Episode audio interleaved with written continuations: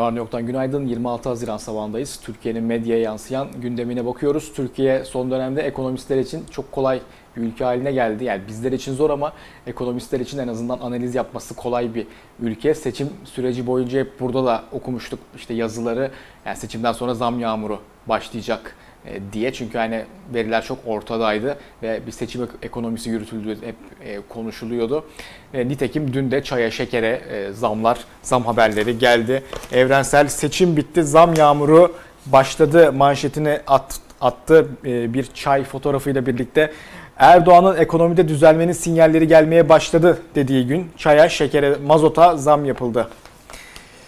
Motorinin litre fiyatına gelen 22 kuruş zamdan sonra kuru çaya %15, şekere %16 zam geldi. Evrensele konuşan iktisat profesörü Hayri Kozanoğlu seçim sürecinin de geride kaldığını varsayarsak birbiri ardına zamlar gelecek. Bu dar gelirli emekçi yurttaşlar açısından hayat şartlarının çok daha kötüleşmesi gibi ciddi bir sosyal sorun anlamına geliyor dedi. Tabii bu seçim ekonominin durumu ve e, hemen seçimden sonra zamların gelmesi yani bu bağlar çok e, aşikar olduğu için tabii gazetelerde hep benzer başlıklar atmak zorunda kaldı bu haberlerle ilgili. İşte seçim bitti, zamlar başladı diye.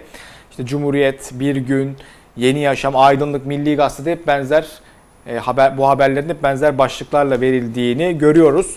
Seçim sonrası tartışmalar ne yönde seyrediyor? Siyasi alana ilişkin onlara bakalım. Karar muhasebe zamanı manşetiyle çıktı bugün. Partiler 23 Haziran depremini masaya yatırdı. Siyasetin geleneksel kodlarını kıran İstanbul seçimleri sonrası partiler yeni denklemde izleyecekleri yol haritasını belirliyor. En büyük dönüşüm beklentisinin oluştuğu AK Parti'de sandık muhasebesinin sinyalini Erdoğan verdi. Yanlışlıkları gidermenin yollarını arayacağız. Gereken adımları atacağız. CHP adayı Ekrem İmamoğlu'nu bir kez daha tebrik ediyorum. İstanbul halkının kararının başımızın üstünde yeri var. Bu Erdoğan'ın sözleri bunlar. Bizim siyaset anlayışımızda millete küsmek, hele hele millete suçlamak yok. 31 Mart'ta 23 Haziran'da millete kendimizi neden anlatamadığımızın muhasebesini yapacağız. Kabine revizyonu olacak mı diye bir soru soruldu e, dün. Onunla ilgili de gerekiyorsa biz yaparız. Siparişle bu işler olmaz. Dışarıdan dayatmayla kabine değişikliği yapılmaz Erdoğan'ın yanıtı böyleydi. Bu biraz aslında tabii e, karara da yanıt. Çünkü karar o AKP'deki e, değişimin gerçekleşmesi yönünde en e, önde gelen aktörlerden biri bu anlamda işte köşe yazıları, manşetleriyle.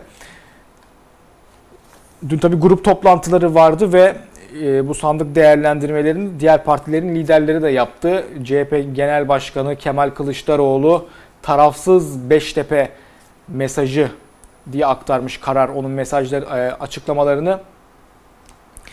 E, Gezi davası için konuşuyor. İddianamelerin altı boş. Amaç eylemlere katılanlardan hesap sormak. Seçim değerlendirmesi için de şunları söylüyor. YSK orada istiyorlarsa itiraz etsinler. Vallahi yeniden seçime gideriz. Halk tarafsız Cumhurbaşkanı istediğinin mesajını verdi. Tarafsızlık konusunda referanduma hazırız. Tek adam rejimi değişmeli partilere çağrımdır. Getirin kanunu bu rejimi kaldıralım, güçlü bir demokratik sistem kuralım. Meral Akşener de dün çok konuşulan işte o Game of Thrones'lu mesajı Winter is coming Erdoğan dedi. Onun mesajları da o başlıkta aktarılmış. İyi ve cesur insanlar 25 yıldır değişmeyeni değiştirdiniz. 17 yıldır durdurulamaz denileni durdurdunuz. Türk milleti sandığı tekmeleyenlere anlamlı bir ders verdi. 23 Haziran Adalet Bayramı oldu. İstanbul'a mitil atacağını söyleyenler bir baktık ki mitili İmralı'ya atmışlar. Rakamlar karın doyurmuyor. Artık yeni bir dönem başladı. Kış geliyor yani winter is coming Sayın Erdoğan. Yeni Şafak, Star gibi iktidarın önünde gelen gazeteleri hep Erdoğan'ın millete küsmek olmaz, milletin mesajını görmezden gelemeyiz şeklindeki ifadelerini manşete taşıdı. Cumhuriyet Gazetesi referandum sesleri demiş. Yine dünkü grup toplantılarında Kılıçdaroğlu ve Akşener'in açıklamalarını bu başlıkla görmüş. Az önce de okumuştuk Kılıçdaroğlu'nun tek adam rejimi yerine güçlü demokratik sistem kuralım, referanduma hazırız ifadesini aktarıyor Cumhuriyet. Akşener de tek adam rejiminin iflas ettiğini ifade ederek kuvvetler ayrılığı vurgusu yaptı. Bir günün manşeti başkanlık sistemi yenildi. İstanbul başta olmak üzere yerel seçimlerin ilk siyasi sonucunun bu olduğu iddiasında bir gün. İstanbul seçiminde yenilgiye uğrayan sadece iktidar bloğu değil bir yıl önce hayata geçen Cumhurbaşkanlığı hükümet sistemi oldu. Tabii 24 Haziran'da seçim yapılmıştı ve e, başkanlık sistemine resmi olarak o tarihten itibaren geçtik. Bir yıl, aradan bir yıl geçti ve bir muhasebe yapılması e, gerekiyor.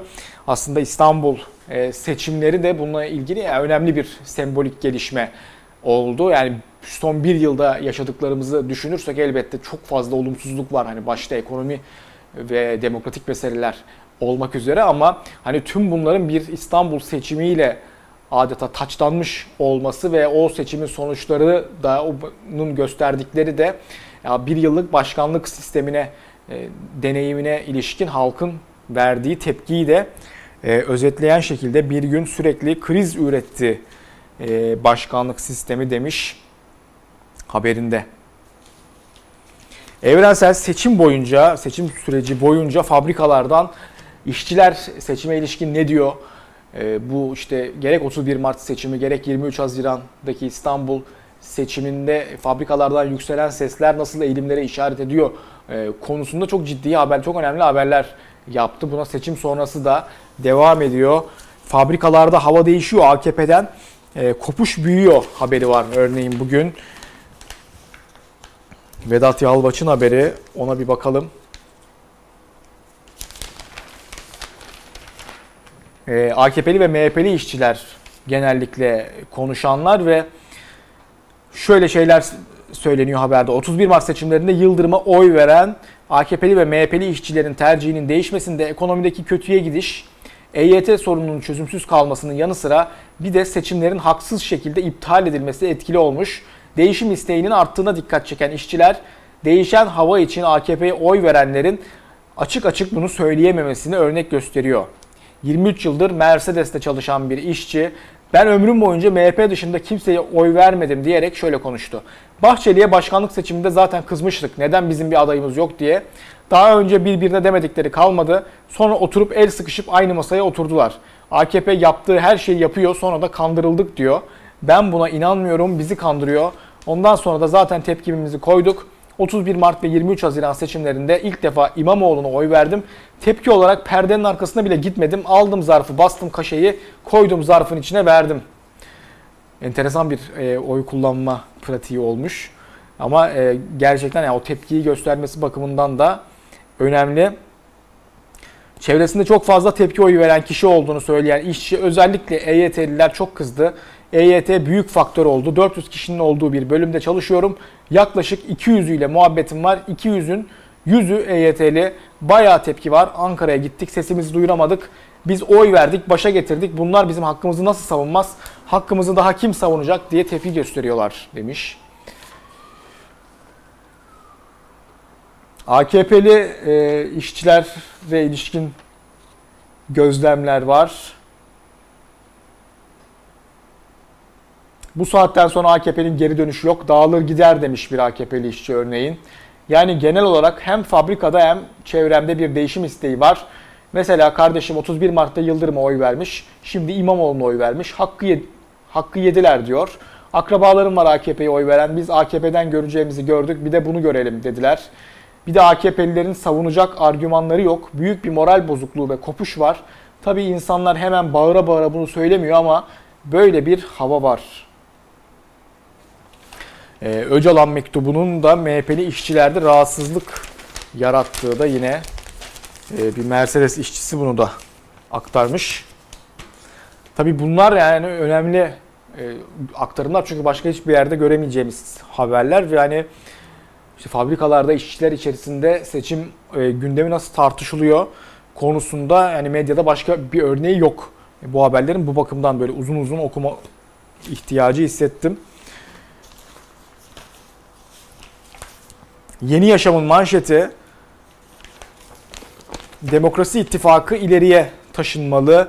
Rıza Türmen, Gençay Gürsoy ve Baskın Oran'ın e, görüşlerinden çıkan sonuç bu. Meltem İnci'nin haberinde.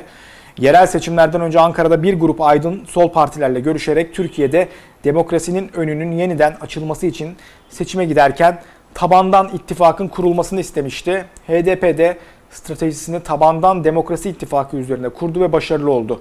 O görüşmelere katılan aydınlar demokrasi ittifakının başarısını yeni yaşama değerlendirdi. Türmen örneğin eski Avrupa İnsan Hakları Mahkemesi yargıcı ve CHP milletvekili ittifakın güçlendirilerek genel seçimlere taşınması gerektiğini söylemiş. Gençay Gürsoy da ittifakın düş, e, sürdürülmesi konusunda HDP'ye düşen göreve vurgu yapıyor. Baskın oran Cumhurbaşkanı parti başkanlığını bırakmalı, parlamento tekrar devreye girmeli şeklinde daha genel bir e, vurgusu var. Evrenselde Rıza Türmen'le özel bir röportaj var.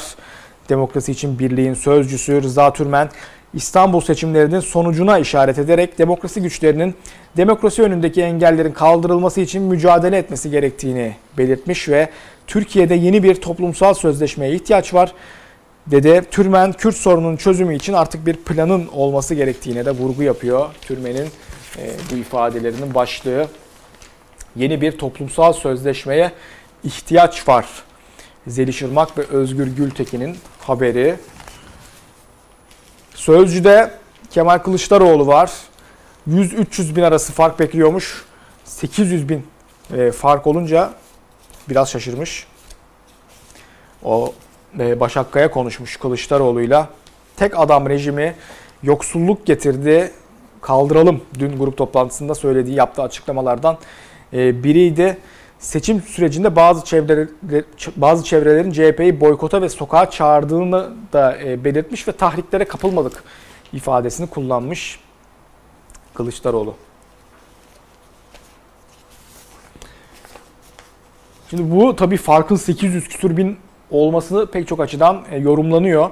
Konda ki seçim öncesi yaptığı araştır, araştırmada 9 puanlık farkı tahmin eden e, şirket, araştırma şirketlerinden biriydi. Bekir Ağırdır seçime ilişkin yorumunda AKP vicdanları yaraladı demiş. 23 Haziran'da İBB Başkanı'nı seçmedik, ülkenin gidişatı için oy kullanıldı. Ağırdır'ın vurgusu böyle 6 YSK'nın kararı sonrası adalet ve vicdan duygusunun zedelendiği ni e, öne çıkarıyor Ağırdır. Cumhuriyet'in manşeti İmamoğlu ve Yavaş'a yetki darbesi İktidar sandıktan sonuç alamayınca başkanların belediye şirketlerine atama yetkisini gasp etti. İstanbul ve Ankara belediye meclislerinde çoğunluğu sağlayan AKP, halkın yetki verdiği belediye başkanlarının elini kolunu bağlamak için ilk hamleleri yaptı. Ticaret Bakanlığı AKP'nin yandaşlara para akıttığı belediye şirketlerine atama yetkisine ilişkin Çevre ve Şehircilik Bakanlığı'ndan görüş istedi. Yetki belediye meclisinde yanıtı geldi. Belediye kanununun Başkan Belediye İdaresi'nin başı ve tüzel kişiliğinin temsilcisidir hükmünü çiğneyen Ticaret Bakanlığı, Mayıs'ta yayımladığı genelgeyle belediye iştiraklerine yönetici atama yetkisini başkanlardan aldı. TÜRMOP yöneticisi İrfan Hüseyin Yıldız genelgenin yok hükmünde olduğunu söyledi. İlk engel de Ankara'da. Buna dair de bir haber var. Ankara Büyükşehir Belediye Başkanı Mansur Yavaş'ın Halk Ekmek Yönetim Kurulu'na atadığı isimler Ticaret Bakanlığı'nın genelgesine dayanılarak Ticaret Sicil Müdürlüğü tarafından onaylanmadı. Atamaları engellenen Halk Ekmek Yönetim Kurulu karar defterinin eski yönetim ve atadıkları idareciler tarafından kendilerinden kaçırıldığını açıkladı.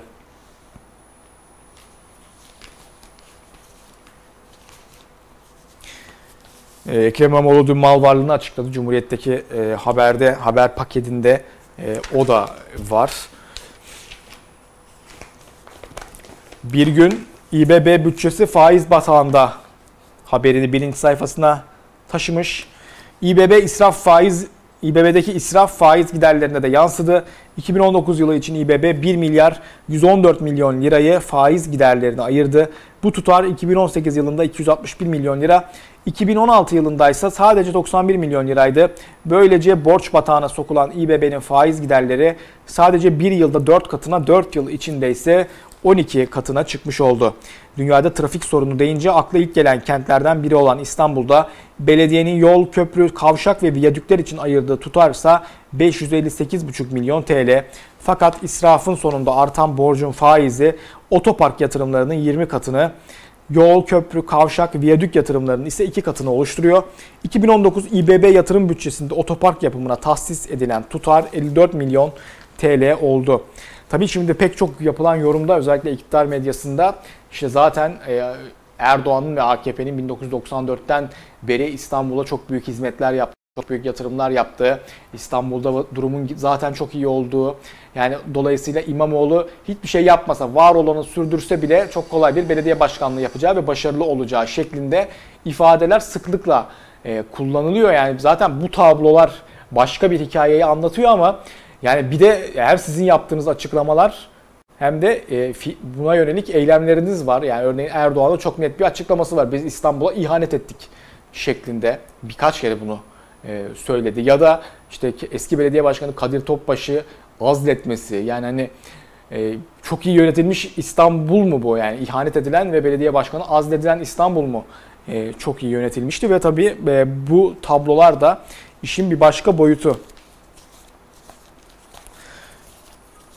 Köşe yazılarına, çeşitli değerlendirmelere geçelim.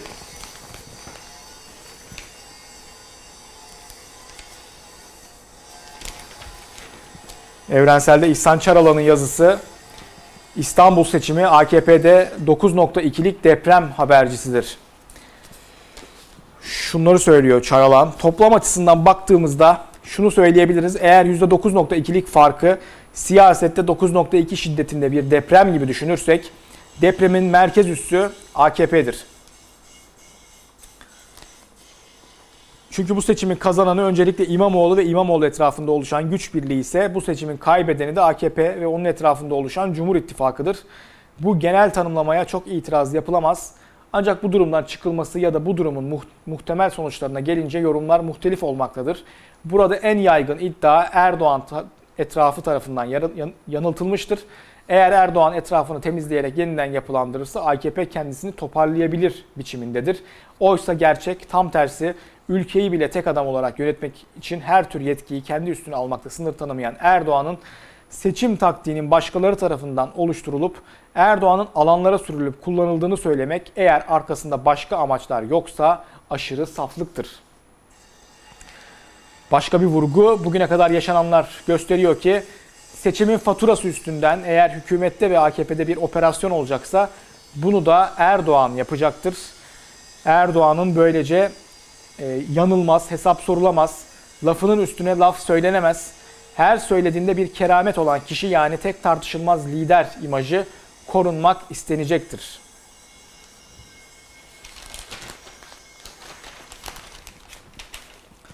Fatih Polat'ın yazısı var. Yine. Yenilgiyi pelikanla açıklamak neyi ne kadar açıklar? Bu hem son dönemde muhalif çevreler içerisinde hem de AKP medyasının da belli kanatlarında yani Erdoğan'ı suç, suçlayameyen genelde pelikancıları öne atıyor. E, Fatih Polat da yazısında yani evet tamam Pelikan'ın oynadığı belli bir rol var ve belli bir e, gücü var ama yani bu kadar Erdoğan'dan bağımsız hareket ettiklerini iddia etmek çok gerçekçi e, değil vurgusu yapıyor. Bu seçim tekrarı meselesinde de e, böyle. Yine İsa Abdi Durmaz'ın seçimleri işçiler açısından değerlendirdiği yazısı kutuplaştırma, seçim ve işçilerin birliği sorunu başlığını taşıyor. Şimdi Cumhur İttifakı'nın etkisiyle yaratılan kutuplaşmanın aslında kutuplaşmayı yaratanlara yaradığı apaçıktır. Ama bu kutuplaşmanın işçilerin birliği, kendi talepleri kendi talepleri için mücadelesinin önemli engeli olduğu da apaçıktır. E, vurgusu yapıyor. Ama tabii bu sonuçlar Cumhur İttifakı içerisinde belli dengeleri değiştirebilir. Yine bunu hatırlatıyor. Daha sonra şöyle devam ediyor. Elbette ki burada henüz oyunu değiştirecek bir çizgiye gelmemiş Cumhur İttifakı'nın etkisindeki işçi kitlesi içinde çözülmenin devam edeceği tartışmasızdır. Bu yüzden bu işçi çevreleriyle rekabetçi, intikamcı değil, kazanma amaçlı, itip kalkmayan, onların kafasındaki soruları ciddiye alan bir ilişki geliştirilmesi son derece önemli olacaktır. Ancak burada ileri işçilere, mücadeleci sendikacılara, sınıf partisinin üye ve taraftarlarına önemli bir sorumluluk düşmektedir.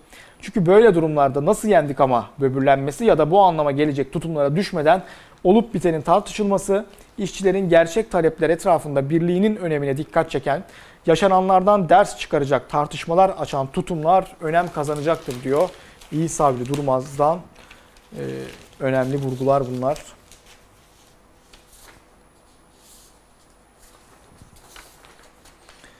Çeşitli yine e, yorumlar var. Örneğin artı gerçekte Ayşe Düzkan'ın yazısı. Adam kaybetti de kim kazandı başlığını taşıyor. İmamoğlu'nun başarısının AKP karşıtlığı üzerine kurulu olduğuna şüphe yok. Ama bunun sol siyasetin ama bunu sol siyasetin başarısı olarak görmek doğru değil bence. Yenilen AKP'dir. Onu yenen oyların bir kısmı HDP'lilere, sosyalistlere aittir ama AKP'yi İstanbul'da yenen gücün sol olduğunu söylemek yanıltıcı bir iyimserlik çünkü sol siyaset programla ilgili bir mesele ve sağ siyasetten gelen mesleği inşaatçılık olan bir belediye başkanının temsiline emanet edilemez diyor Ayşe Düzkan. Ee, yine du, e, duvarda Kemalcan'ın yazısı var. Hatalı lider mi, güçsüz lider mi başlığıyla. Karar vermek için biraz erken ama ilk işaretler Erdoğan'ın 23 Haziran sonuçlarına yapılan hatalar üzerinden değil, hem kendisi hem de iktidar için kaybedilen güç açısından bakmaya yatkın olduğu yönünde yolunda bu yüzden sert geçecek hesaplaşmayı kamuya açık bir gösteri haline getirmekten kaçınacağı anlaşılıyor. Hatayı kabul etmekle güç kaybına razı olmak arasındaki seçimde de net bir tutumdan bir süre daha uzak kalmaya niyetli görünüyor. Yani yine çare olmayan cevaplara hazırlanıyor. Galiba seçmen mesajında tam idrak edilmeyen taraf da bu. Yine duvarda Hakkı Özdal'ın e, yazısı var. Yeni dönem başlığını taşıyor e, Özdal'ın yazısı. Şu vurguları okuyalım.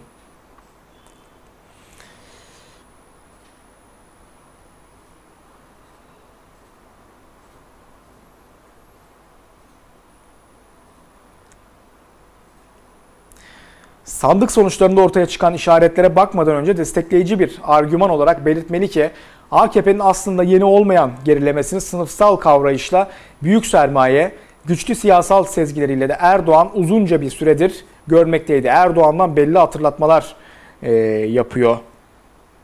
Özdal yani anayasa referandumundan e, itibaren aslında o atı alan Üsküdar'a çıktı, geçti diyerek yaptığı o erken çıkış daha sonra referandum ertesi metal yorgunluğu kavramıyla gündeme getirdiği örgütsel değişim e, ihtiyacı yine AKP teşkilatları içerisindeki pek çok e, değişiklik, operasyon bunların hepsini hatırlatıyor. E, kültürel iktidar olamadık parolasıyla dile getirdiği bir başka rahatsızlığı hatırlatıyor Hakkı Özdal.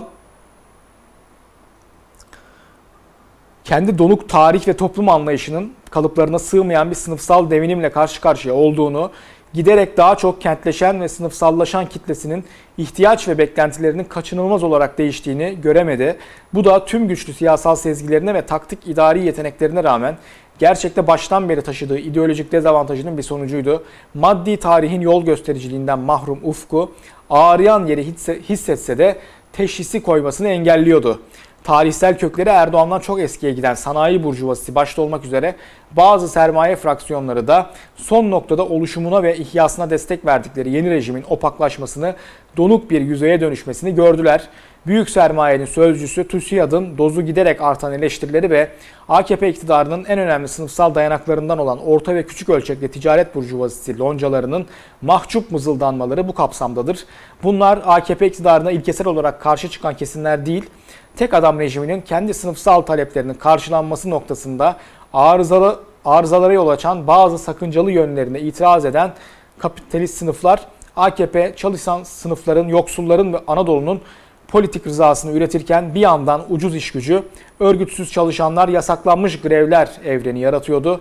Ama bu denklemin birinci tarafını sağlayamaz hale geldikçe iktisadi egemenlerin şüpheci temkinleriyle karşılanır oldu.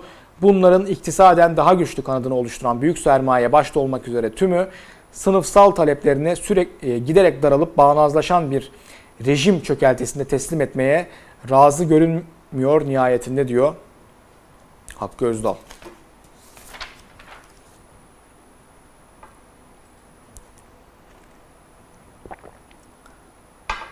AKP'ye yakın yazarlardan e, birkaç analiz aktaralım. Tabii şu anda yani en çok konuşulan AKP içerisinde bir hani değişim olacak mı ne yönde e, olacak? Dün Erdoğan e, kendi içimizde bir muhasebe yapacağız e, demişti. Abdülkadir Selvi Erdoğan değişim sinyali verdi mi e, yazısını yazmış ve Erdoğan iki hususa dikkat çekti diyor. Bir, milletimizin verdiği mesajları görmezden gelerek kulağımızın üzerine yatma lüksüne sahip değiliz. İki, gerek 31 Mart'ta gerek 23 Haziran'da milletimize kendimizi niçin anlatamadığımızın muhasebesini yapacağız. Erdoğan'ın konuşmasındaki en kritik nokta atmamız gereken adımları kararlılıkla hayata geçireceğiz ama dışarıdan birilerinin yaptığı tanımlara göre değil, biz kendi tanımlarımızı kendi içimizde hep birlikte yapma kudretine sahibiz. Erdoğan güçlü bir lider ama elbette ki yapılacak değişiklikleri birileri istediği için değil, kendisi inandığı için yapacak. Ancak bu cümlenin bir siyasi arka planı var. Erdoğan bir süre sonra parti yönetimi ve kabinede değişimi gerçekleştiriyor ama kimi zaman toplumun beklentileri karşılanmıyor. AK Parti'nin sandıktan çıkan mesajın gereğini yerine getirmediği izleniminin doğmasına neden oluyor. Tabi Erdoğan'ın o siparişle yapmayız şeklindeki ifadesi yani bu partide olan biteni ben belirlerim mesajı taşıyor. Selvi de bunu aktarmış. Grup konuşmasında ekonomi, adalet, milli savunma ve dışişleri bakanlarının çalışmalarından söz etmesi bu bakanların değişmeyeceği şeklinde bir algı e, oluştuğunu AKP içerisinde belirtiyor Abdülkadir Selvi. E tabii bir yandan da bu bakanlar belki de en çok eleştirilen e, bakanlar özellikle e, yani ekonomiye baktığımızda Yeni Şafak'ta e, bazı yazılar var. Onlara bakalım. İbrahim Karagül'ün yazısı var. Yani İbrahim Karagül'ün yazısını e, zaten biliyorsunuz burada uzun uzun okumuyoruz. Ama yani bir daha şu başlıklarına dikkat çekmek istiyorum. Yani yeni bir başlık metodu geliştirdi kendi kendine yani tek bir başlık atmıyor. Dört tane maddeyi başlık olarak e, koyuyor. Aslında yazının geri kalanını okuma yükünden bizi e, kurtarıyor bir yanıyla. Organize eleştiri hastalıklı müdahale biçimine dönüştü. AKP içerisinde sesleniyor. Destek vereni küçümse kibirli bir dille ayar ver. Onlar Erdoğan'a neden düşman biliyoruz. Peki siz neden düşmansınız? Asıl vesayet zihinlerimizde. İbrahim Karagül'ün e, bugünkü dört maddelik başlığı böyle. Yani hani gazetecilikte de böyle yenilikler var. Hani bunların farkında olun diye ben genelde İbrahim Karagül'ü okuyorum. Çünkü zaten hani ne kadar e, fantastik bir dünyası olduğuna ilişkin burada çokça yorum yaptık zamanında. Yeni Şafak'ta Fatma Barbarasoğlu'nun e, yazısı eleştirel bir yazı. 800 bin fark ne ki? İçimde Eren Bülbül'ün tazelenen yazısı e, diyor. Şöyle vurgular var yazısında. Analiz yazısı yazacaktım. 17 yıllık AK Parti iktidarında neden ortaya yeni özneler çıkmamış olduğunu anlatacaktım. Günlük hesaplar için uzun vadede en hakiki müttefik olan tecrübe sahibi eleştiren öznelerin nasıl parantez içine alındığını anlatacaktım. Erol Olçok'un şehadetiyle birlikte AK Parti'nin halk psikolojisi konusunda ne kadar yetersiz kaldığını yazacaktım. Hikaye anlatamayan reklamları, başarısız seçim sloganlarını yazacaktım. Sonra Üsküdar Meydanı'nda stand açmış olan AK Parti ile CHP'nin eğlenme biçimi üzerinden bir fotoğraf okuması yapacaktım. Burada şöyle bir vurgusu var. Birkaç yani bir AKP'li yansıtıyor tek başına bir de birkaç metre ileride CHP standının önünde kadın erkek soluksuz halay çekenlerin yekpare bütünlüğü. Ekrem İmamoğlu 90'ların Erdoğan'ını kendine örnek alırken AK Parti'nin 1940 CHP refleksi içine düşme nedenleri üzerinde duracaktım e, demiş. Bütün bunları yazmak için bilgisayarımın başına oturduğumda Eren Bülbül'ün annesinin görüntüsü düştü ekranıma diyor. Eren Bülbül geçtiğimiz yıl e, bu tarihlerde e, bir PKK saldırısında hayatını kaybetmişti. E, onu hatırlatıyor ve yazısının devamında da bu sefer Öcalan e, mektubunu eleştiriyor. Oradan iktidarı eleştiriyor. Her şey öyle böyle şöyle filan da Öcalan'ın mektubundan medet ummayacaktınız. Şehit ailelerin canını yeniden yakmayacaktınız. Bebek katil dediğiniz adamı seçimi kazandıracak stratejik özne yapmanıza, kardeşini TRT ekranında kendinize destekçi kılmanıza değdi mi? Oğuldan yetim ana babaların, babadan yetim evlatların hayat arkadaşını yitirmiş kadınların acısına kezzap dökmeyecektiniz demiş Fatma Barbaros oğlu. Bir yandan e, İbrahim Karagül az önce AKP içerisinde ki eleştirilere sert bir yanıt e, veriyordu. Fatma Barbarosoğlu da bu yazıyı yazmış.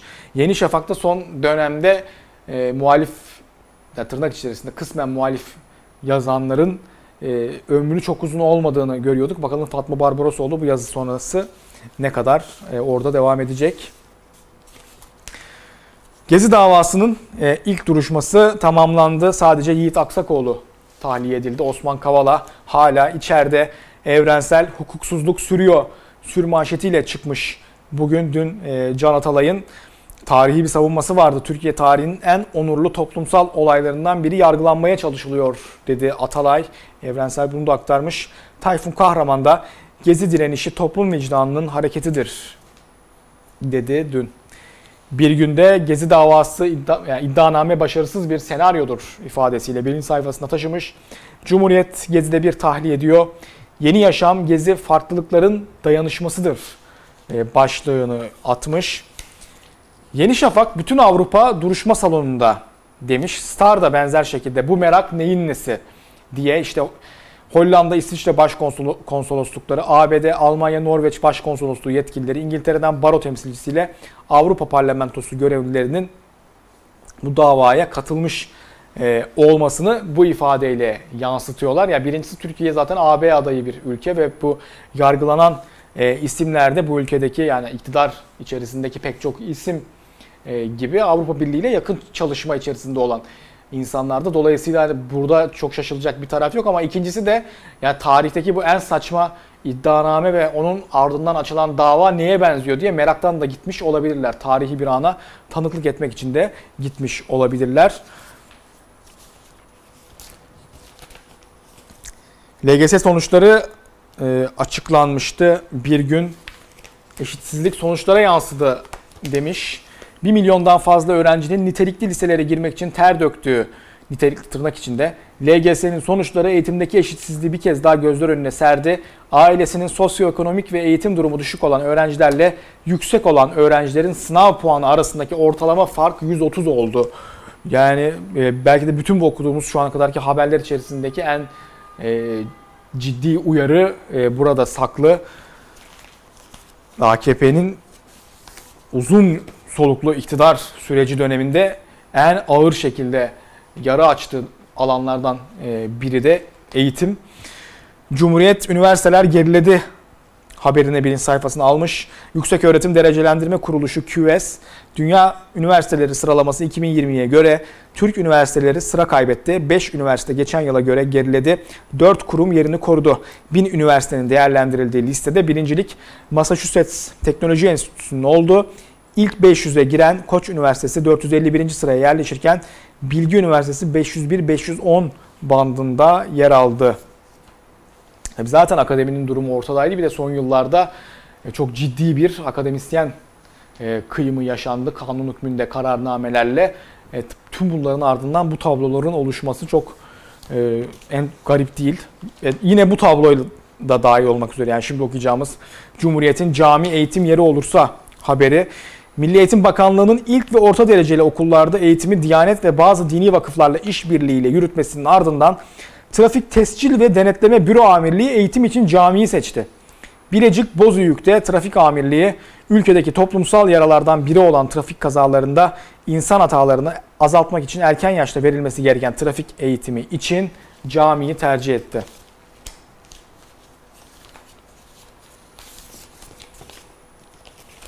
Fransa'da Kadınlar Dünya Kupası devam ediyor. Çok e, heyecanlı ve güzel maçlara sahne oluyor turnuva. Evrensel'de Türkiye'nin ilk kadın hakemi Lale Ortay'la e, görüşmüş. Duygu Ayber Gültekin'in haberi.